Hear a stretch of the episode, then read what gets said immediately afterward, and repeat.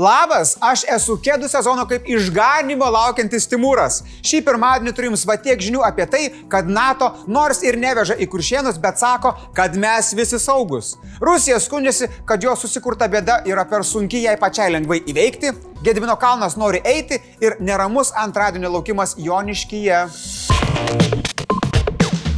Vilniuje susitiko Lietuvos kariuomenės vadas generolas leitenantas Valdemaras Rupšys ir NATO karinio komiteto pirmininkas admirolas Robas Baueris. Kodėl? Taigi aišku, kad pasivaikštų po mūsų UNESCO objektą. Of walking through the old town to enjoy its medieval history and take in all the historical buildings.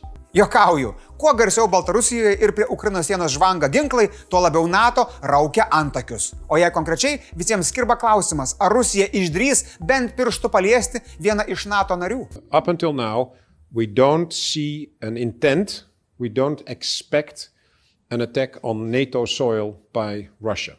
Kaip sakė Baueris, pulti NATO būtų ne tai, kad neatsakinga, nu bet ir kvaila. Tačiau žinot, kaip sako, rasi umom nepaimiuš. Siūlyčiau mažiau dėmesio kreipti į tai, ką sako bulvių maišas su ūsais. Jisgi kiekvieną progą ieško galimybės pamojuoti Kalašnikovo automatu ar savo liežuviu. Žinoma, kad surogatinis Baltarusijos prezidentas jaučiasi drasus, kai jo šalyje lankosi Rusijos kariai su neribotomis vizomis. Mm. Tačiau su Ukraina kiek kita situacija. Lietuvos kariuomenės vadas Valdemaras Rupšys sako, kad Rusija ruošiasi paskutiniai pratybų stadijai, kuri truks maždaug nuo vasario 10 iki 20. Tai jei planuojama invazija į Ukrainą, tai būtent ši stadija yra galutinis veiksmų suderinimas. Dėl šios priežasties Lietuvos kariuomenės vadas pranešė apie didinamą kariuomenės parengties lygį. Tiesa, tai, kad Lietuvos nepuls, nereiškia, kad nereikia galvoti apie savo saugumą. Yra dar vienas rusiškas pasakymas - daviriai, nu praviriai. Todėl vyksta darybos su Berlynu dėl papildomų vokiečių karinių pajėgumų Lietuvoje dislokavimo. Jau dabar Vokietija yra vienintelė ES šalis Lietuvoje turinti kovinę grupę. Vokietijos gynybos ministrė Kristin Lambrecht patvirtino, kad Berlynas yra pasirengęs dar labiau plėsti karių kontingentą Lietuvoje. Tai nors žinia ir gera, šampaną dar nešaučiau. Įkiškit šakutę į kakliuką, mano tėvai sakė, tada neišsigazuoja šampė. Rytų fronte nieko naujo. Tai reiškia, kad didžiulės invazijos Rusija dar nepradėjo, bet karių nuo sienos su Ukraina irgi neatitraukė. Priešingai, JAV pareigūnai įspėja, kad Rusija yra paspartinusi pasirinkimą plataus masto invazijai. Karių ir ginkluotės pasienyje tik daugėja. Ir tai vyksta tokiais tempais, kad šiam išpoliui gali būti pasiruošta, tai yra sukaupta apie 150 tūkstančių karių jau vasario viduryje, kai pasibaigs ta nuobodi žiemos olimpiada Pekine. Be. Russia makes a move, I want to bring in Andy Brown, our China expert here. There is some precedent, unfortunately. Tuo tarpu Ukraina teigia, kad labiau tikėtina, jog diplomatija nugalės karą. Anot Ukrainos prezidento patarėjo, Rusija reguliariai vykdo didelio masto karių rotacijas, manevrus ir ginkluotės dislokavimą, kad darytų nuolatinį psichologinį spaudimą. Ukrainos užsienio reikalų ministras Dmitro Kuleba ragina netikėti apokaliptinėmis pranašystėmis. Visas viltis į diplomatiją tai padeda ir Prancūzijos prezidentas Emmanuelis Macronas su vizitu besilankantis Maskvoje. Anot prancūzo, diplomatinis sprendimas yra įmanomas, o Rusija turi teisę kelti savo saugumo reikalavimus. Nu, nieko savo pasakysite jūs. Tipo šantažo politika su vakarais suveiks ir besipiktinantiems jums aš tikrai pritarsiu. Tačiau Makronas pažymėjo, kad Ukrainos suverenumas yra nesvarstomas klausimas. Juo labiau, kad anot Emanuelio Rusijai rūpi ne Ukraina, o aiškių taisyklių išaiškinimas su NATO ir ES. Nu, netikiu, kad Emanuelis, buvęs gražus ir protingas, tapo tik išvaizdžių naivoliu. Nu, tikrai ne. Vizitą pakomentavo ir Kremlius. Anot Putino berniuko numeris 6, Dmitrijaus Peskovo, iš jo nesitikimo jokių proveržių. Ta prasme, iš susitikimo, ne iš Peskovo. Nors ir iš jo naudos kaip iš ožio pieno. Dimos teigimu, ši problema per sunki, kad būtų įmanoma pasiekti rezultatų vienu susitikimu. Nu, Dima, o kas tą situaciją iki absurdo apsunkino ir vis dar nestabdo? Hm? Kto? Na, o JAV supranta, kad dialogas svarbus, bet saugumas yra dar svarbiau. Tad netoli sienos su Ukraina, Lenkijoje išsilaipino kelios dešimtis elitinių JAV karių ir technikos vienetų. Dar šimtai pėstininkų turėtų atvykti į oro uostą esantį už 90 km nuo Lenkijos ir Ukrainos pasienio, nes Bidenas įsakė Lenkijoje dislokuoti netoli 2000 papildomų karių. Įdomus faktas. Atsiminate paskutinį JAV karį palikusi Afganistaną? Tai vad jisai buvo vienas pirmųjų vakar išlipusių Lenkijoje, nes yra šio kontingento vadas. Įsivaizduokit, duše visą Afganistano smėlį iš savo užkabarių, grandai išveiti ir tau skambina prezidentas tiesiai į dušą ir sako, alio, Tavo smėlis reikalingas ant Lenkijos sniego. Varyk. Na ir pora įdomių teiginių. Smurtaujantis Baltarusijos patėvis Lukašenka teigia, kad NATO įsiveržus į Baltarusiją prasidėtų trečiasis pasaulinis karas. Reiškia, trečiasis pasaulinis karas tikrai labai toli, nes nežinau, ko tai NATO gali reikėti Baltarusijos teritorijoje. Bananų iš omonininkų, pigios saliarkos, nu, nežinau. Be to Lukašenka tikriausiai suprato, kad niekas jo nepuls ir pats tada susiruošė pulti. Anot akivaizdžiai plikės lepiančio vyro, bendros užgrobtos Baltarusijos ir Rusijos pratybos gali būti nukreiptos prieš Ukrainą ir NATO. Lukašenko prideda, jeigu to prireiks. Nu, tai, žinot, yra posakis apgirtęs nuo valdžios. Tai šitas Lukašenkos pareiškimas panašus į kominį girtumą iš lebezavojimą kalbantį su baltais obalmušiais. Vaina.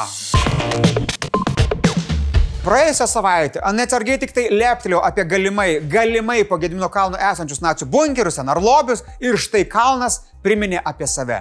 Gedimino kalne šiandien pastebėta nuošliauža pietrytinėme šlaite. Spėjama, kad tam galėjo turėti įtakos iškritę krituliai. Matote, kalne yra susikaupusio vandens, o jis pasišalina per šlaitus. Taip pat ir gaunasi tos nuošliaužos. Ar reikia bijoti ir panikuoti? Nu, galbūt labai norisi, bet ne. Kaip sako ekspertai, čia labiau negražu žiūrėti į kalną, bet grėsmės tame nėra. Kitos kalno vietos yra stabilios. Ta patvirtino ir kultūros ministras Simonas Kairys, jeigu nežinot, kas toks yra. Paraginęs į situaciją žiūrėti su nerimu, bet be panikos. Visos tarnybos informuotas, visi apie būklę žino ir per daug nesijaudina. O žala? Jeigu mes palyginsime su pirmomis nuošliaužomis, tai tikrai nu, nėra labai didelė dar žala.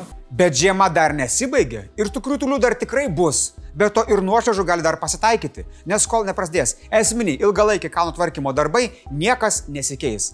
Deja, imtis kalno tvarkymo darbų jam neleidžia teismuose įstrigęs ginčas su įmonė Hidrotera, turėjusi atlikti kalno tyrimus, suprojektuoti jo sutvirtinimo sprendinius ir gauti darbams reikalingus leidimus. Taigi dėl nuošliaužos kalti krituliai ir ilgalaikis teismas. Mūsų žiūrovo noriu paprašyti, nueikit, nusifotkinkit prie to kalno, nes nu, nežinia, kas čia bus.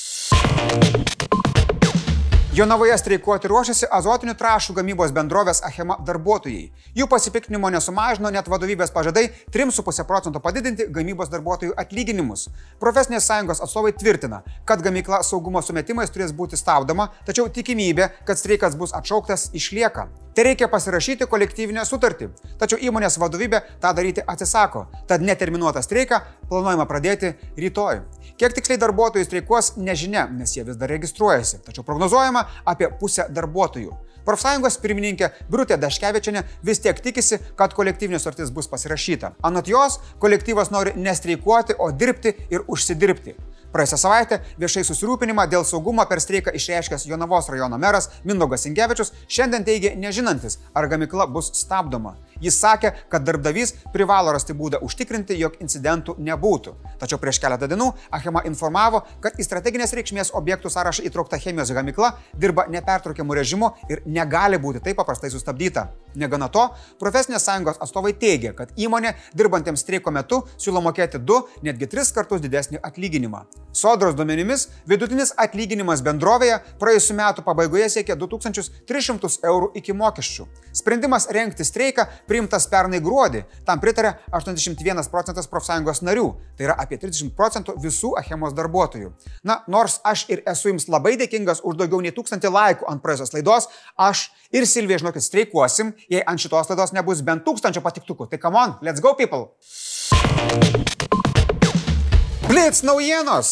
Užsieniečių registracijos centre Pabradėje kilo neramumai, panaudotos specialiosios priemonės - antrankiai, elektrošokas ir dujos. Įtampa buvo suvaldyta. Didžiausias migrantų reikalavimas buvo laisvė Kita priežastis - negaunamas prieglapsis Lietuvoje. Nu dabar tikrai gausit. Lukašenka teigia, kad prie Baltarusijos ir Rusijos sąjunginės valstybės gali prisijungti dauguma buvusių Sovietų sąjungos respublikų. Jis įsitikinęs, kad per 15 artimiausių metų ten bus ir Ukraina.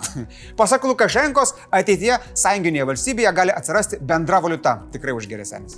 Varėnoje sulaikyta 290 tūkstančių eurų vertės kontrabandinių cigarečių siunta ir du rūkalus iš traukinio ekskavatoriumi krovė Baltarusija. Baltarusijai. Abu vyrai nuo šalyje geležinkelio vietoje išstovėjusio traukinio vagono ekskavatoriumi krovė juoda polietileno plėvelė aptrauktas kartonės dėžes. Šio sąstato iš Baltarusijos gabentas skaldos krovinys. Nu ne tik pasirodo. Draugai, o pabaigai komentarams užduotis jum. Ar pastebėjot, kad kažkas studijoje yra kitaip negu visada? Nuneš kažkur kitur. Rašykit komentaruose, kas yra kitaip negu visada. O ar žinot, kas būna, kai šuniukui parduotuvėje nenupirki to, ko jis nori?